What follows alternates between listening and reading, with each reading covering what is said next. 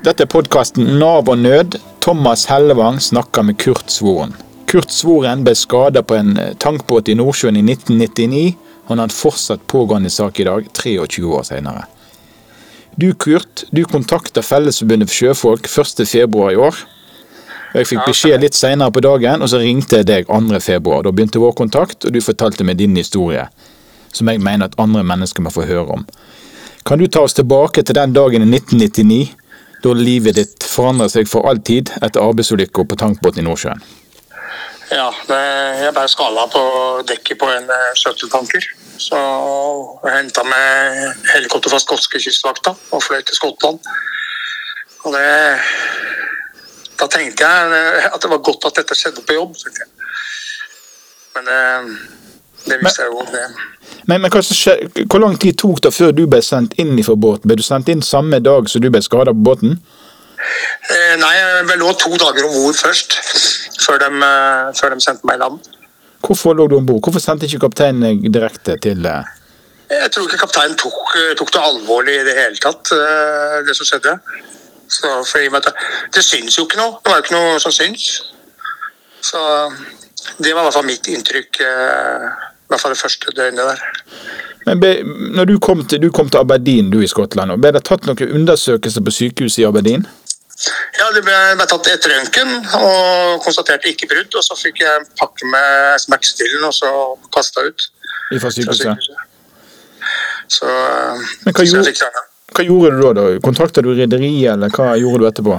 Ja, jeg fikk, eh, jeg fikk lånt en telefon i resepsjonen der, så jeg ringte rederiet. Så fikk de tak i en agent da, som kom til Berlin. Som, eh, så jeg fikk eh, flybillett hjem og sånn. Så Jeg ser på, ser på dokumentene du, de, så du har sendt til meg at det ligger dokumentasjon på en samtale mellom kapteinen på båten og legen på Radio Medico, som er en vakthavende lege som kapteinen tar kontakt med, for medisinske råd til sjøs og sykdom. Og Dette går vanligvis via Haukeland sykehus. Har du kommunikasjon mellom legen og kapteinen? eh, ikke alt utenom det som er skrevet i da- dekksdagboka. Det er vel eh, det eneste der de forteller at eh, de får beskjed om å, å haste evakuere meg. Så du, så du fikk aldri ut den fysisk fra Haukeland sykehus? Ikke fått ut noen ting. Nei. Var du medlem av noen fagforening når du ble skadet den gangen der? Jeg var medlem av Sjømannsforbundet. Kontakta du de? Eh, Nei, jeg gjorde vel ikke det.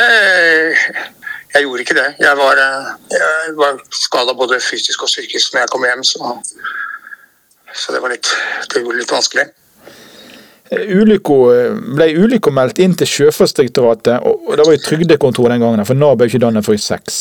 Ble det meldt inn til de to? Det eneste, eneste jeg, jeg tror ikke jeg ble sendt noe dit. Det eneste jeg s- vet at det ble sendt en skademelding til trygdekontoret der jeg bodde, og uh, dekksdagbok ble sendt. Det er alt jeg veit. hva de har gjort eh, i ettertid, veit jeg jo ikke. Så det er ingen forsikringsselskap som blir kontakta i din sak? Ingenting. Det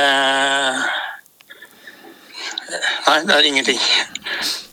Jeg ser jo at i mange forklaringer så er det jo første forklaringen fra, til Nav, eller trygdekontor som det het den gangen der, da. De henger seg opp i. Ble det noen god forklaring i hele tatt som ble skrevet første gangen?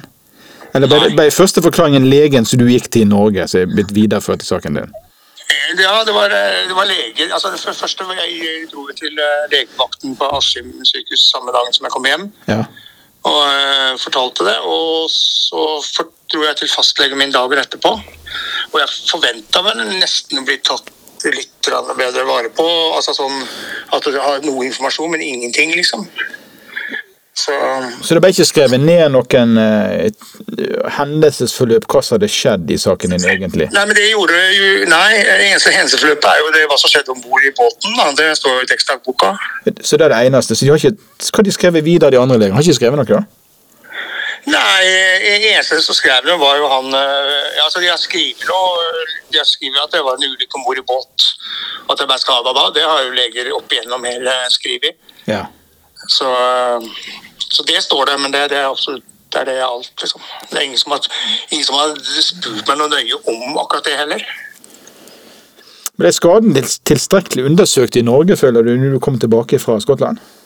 Nei, nei den gjorde ikke de, de tok uh, bilde av ryggen min, og så konstaterte de at uh, det var ikke noe skade i ryggen min. Og så fikk jeg beskjed om at ingen diagnose, ingen rettigheter. Du flytta jo mellom to Nav-kontor på Sørlandet. Først, ja. først, Østlandet, sant? og så gikk du til Sørlandet. Og Dette ser ut som være veldig uheldig for din sak og videre saksbehandling i Nav-systemet. Kan du fortelle litt om ja. det? No, noe må ha, skjedd der. For når jeg eh, kom til Arendal her og, og snakka med arbeidskontoret, var det den gangen, som er Nav nå, at eh, jeg hadde en yrkesskade, men det sa de nei, det har du ikke. For, og det har de sagt i alle år siden. Hvilket årstall snakker vi om da? 2004. Så da er vi altså fem år seinere? Fire og et halvt, fem år. Ja. Jeg ser jo på dokumentene dine at Nav har ikke henta ut legejournalen din for det har gått flere år, men at Nav har innhenta en spesialisterklæring fra en lege uten at legen har sett på din journal. Kan du fortelle litt om dette? Ja, det var eh, Jeg fikk en innkast til nevrolog her nede. og eh, var på undersøkelse, undersøkelse, der. Og dette var jo eh, egentlig rett etter jeg hadde fått en prolaps i 2013. Så jeg gikk jo ut ifra at det var på grunn av den jeg, jeg var der. Fikk... Men jeg vet ikke at det var det jo ikke. Så, så du fikk ingen da... beskjed om at de skulle uttale seg om din sak den når du ble innkalt? Ja, jeg visste jo ikke hva jeg skulle der gjøre. Jeg trodde de skulle, undersøke, skulle bare undersøke ryggen min som pga. den prolapsen jeg fikk. Men det var det ikke. Og det, og det, det er jo litt i ettertid jeg ser det, det var jo for å skrive en erklæring på yrkesskaden. Og da er det jo gått, det jo gått 14 år? Ja. Men med tanke på at De har jo alltid nekta meg at jeg hadde en yrkesskade. ikke sant? Så hun kunne jo sikkert ikke fortelle meg at det, det var pga. yrkesskaden hun skulle foreta den undersøkelsen. Så, men, men, eh, men, jeg ser jo, du har jo brukt masse juridisk hjelp, altså advokater i din eh, sak. Kan du fortelle litt om dette? Når var første gang du fikk inn en advokat i saken din? Det var 2014. Eh, da var det en advokat som, som spurte meg om det, og fikk ut til å se på det. Men det med advokater det er veldig veldig vanskelig. Det, for det er så ymse kvalitet, åssen de jobber. Så jeg har jo brukt fire advokater nå. Og du har brukt en ansenlig mengde med penger opp dette? Ja. Eh, eh, snart en halv million, vel, tror jeg. Mange mennesker forteller jo meg at den dagen de blir skada på jobb, så vil jo ting gå av seg sjøl med Nav og forsikringsselskap, og de vil få den hjelpen de trenger, sier de. Din sak er vel et eksempel på at sånn fungerer det ikke alltid? Nei, det gjør det ikke. Det var jo som, som jeg også trodde, at uh, jeg hadde full tillit til trygdekontoret. At de ville ta vare på mine interesser oppi dette her. Men øh, beklageligvis, det, det, det, må man passe på sjøl. Nav er jo én instans, men hvordan oppfølget oppfølgingen din av hvert for lege og helsevesen? Da tenker jeg på undersøkelser for sykehus og lignende. Du, det er jo masse uttalelser for leger som ligger jo i dokumentene. Ja, men det, det, som sagt, de har jo hengt seg opp i det første altså Jeg hadde jo veldig smerter mellom skulderbladene, og da har de hengt seg opp i akkurat det området der. Og ikke undersøkt noe videre utover ryggen min. Ingen leger fram til jeg i 2019 hvor jeg ble tatt et uh, MR av hele ryggen og nakken pga. Forverring av hode- og nakkesmerter. Og da fant de en skade i nakken. Så, uh, og da snakker vi 20 år? Da snakker vi 20 år, ja. Og det, det, er litt merkelig. Så mange ganger Og jeg har sagt til alle behandlere jeg har hatt, så jeg har fortalt dem om den uh, ulykken på sjøen og smertene mine. Og frustrasjonen på å ikke vite hvorfor jeg har de smertene. Så Ja, jeg vet ikke hva man skal si. Jeg er ikke fornøyd med helsevesenet, nei. Du fikk jo innvilget en yrkesskade i 2000, året etter du ble skada, men da fant du ut i 2014? Ja, ja, altså De fant vel ut i, i, 2013, fant vel Nav det ut. Men de innrømte jo ikke til meg at jeg hadde det før i 2019, når jeg endelig hadde funnet vedtaket. Som jeg fikk tak i ved en tilfeldighet. For da hadde du en advokat inne i saken, da? Hva sa du nå? Da hadde du en advokat inne i saken din som gjorde at du fant ut dette? Eller hvordan fant du ja, ut? Ja, ja han, eh, han eh, kontakta den første advokaten jeg brukte. Ja. Egentlig, dette er egentlig en annen sak for TFF. Ja. Hvor han fikk oversendt uh, min, mappa mi, og der fulgte det med noe fra Trygderetten som ikke jeg, ikke jeg har sett. Så, sånn fikk jeg tak i, i, i eh, vedtaket på yrkesskaden min. Så hadde ikke jeg hatt den, så hadde ikke jeg, fått visst, hadde ikke jeg visst enda at jeg hadde hatt yrkesskade. Men Hvor lang tid tok det før du fikk ut eh, journal, legejournalen din? da? 20 år tok det. det litt over 20 år. Og Da var det fastlegen min som ringte til legekontoret og snakka med hun på kontoret der og spurte om hun hadde noen journaler på meg liggende i papirformat.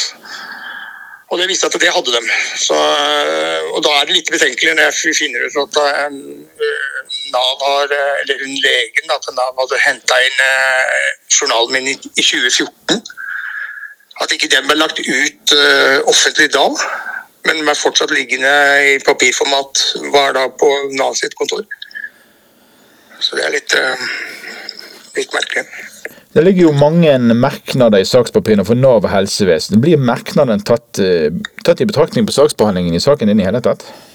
Nei. nei jeg, jeg, det eneste, eneste det de har, eller har vridd på, er jo den der erklæringa fra hun legen som da gikk hun hadde ikke journalene mine. og når hun først har journalene, så var det klipp og lime for å få det ligne mest mulig på sin første erklæring.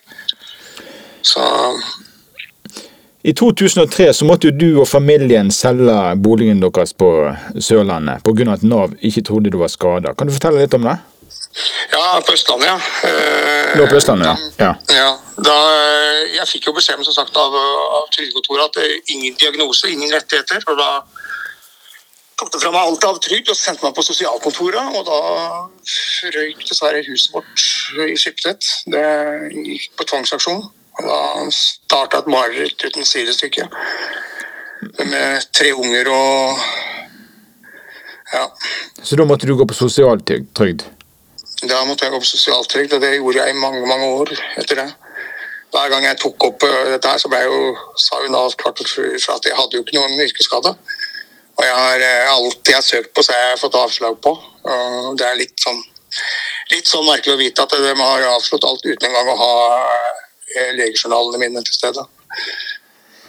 Du hadde jo mange utfordringer i livet med skader og dårlig helse, og så kom det at du ikke ble trudd på toppen av dine alvorlige plager og økonomiske bekymringer. Det må jo ha påvirka deg og familien i mange år? Ja, det har påvirka alt i livet vårt. Det har egentlig vært det verste er å ikke bli trodd.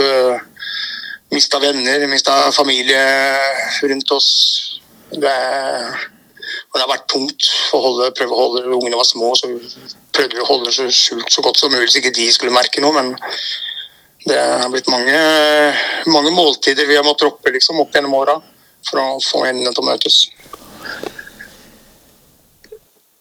Men etter hvert så fikk, har du vært på utplassering på arbeidspenger og sånn for du skal finne ut hva som skal... Ja, det har, det har vært gjort forsøk på, men uh, det ble gjort forsøk på først i 2008 eller 2009. Men det At du skulle se om du kunne jobbe eller ikke?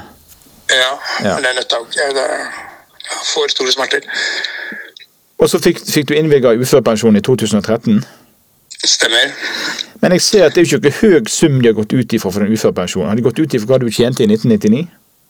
Ja, eh, på, på gjennomsnittet av 99, liksom. Men det var jo et år hvor jeg jobba egentlig veldig lite. Så eh, pga. vi mista noen barn i i svangerskap og sånn. Så jeg jobba jo veldig lite, og i og med at de ikke øh, har den yrkesskaden-fordelen på, så, så, blir det jo veldig lite. Så. Den dagen du ble skada i 1999, så var jo du 32 år og midt i livet. Hva tenker ja. du når du ser tilbake på den kampen du har kjempa imot systemet? Det, jeg kan nesten ikke tenke på det. Jeg blir helt det gjør så vondt inni meg å føle seg så tråkka på og urettferdig behandla. Det, det, har vært veldig veldig vanskelig, både for meg og kona mi. Liksom. Det, dette unner jeg ingen. Det, man, man, har jo hele tida trodd at, at ja, sannheten vil komme fram til syvende og sist, liksom. Men når sannheten kommer fram, så gjør jo Nav alt de kan for å grumse til den. Men hva som gjorde at du kontakta Fellesforbundet for sjøfolk? da? Du prøvde å kontakte andre òg, eller kontaktet du bare oss? Ja, altså, jeg, jeg, jeg, satt jo og leste for å sette meg inn i dette her på nett og sånn, og så leste litt om at det er jo egne regler for sjøfolk. Og, og da var det også snakk om, eh, snakk om størrelsen på, på lønna mi, da. På hva jeg hadde for noe. Og jeg fant ut at jeg, jeg måtte ha litt hjelp. Jeg måtte ha en Altså, hvor, hvor skal jeg gå og vende meg hen? I 1999, og da var du 32 år og midt i livet. Ja. Og så, hva tenker du tenker tilbake på dette her? Den kampen du har kjørt? Nei, det Hva skal man si? Det, det har vært et langt mareritt. Det er uh, Føler jeg tråkka på, du føler deg urettferdig behandla. Du føler deg virkelig aleine oppi alt dette her. Så Nei, det er en vanskelig situasjon å være i. Veldig vanskelig. Men Har ikke de trodd på noe som helst du har sagt til dem? Ja? Nei, det virker ikke som Det er jo ikke snakk om å, om å tro på meg, det er jo snakk om at de prøver å ta meg på et eller annet hele tiden. ikke sant? Skal prøve å ta meg på, på noe. Altså, Det har jo stått i, i, i journalen der at, det, at, jeg ser bra ut, liksom. Så, så det er da de skriver at du kan ikke ha noe sykdom, for du ser frisk ut, rett og slett? Ja. ja. Er det da det står? Ja, ja, nærmest så står det det. Det, ble, det er jo kommentert av den, den legen til Nav at jeg så jo uforskamma frisk ut.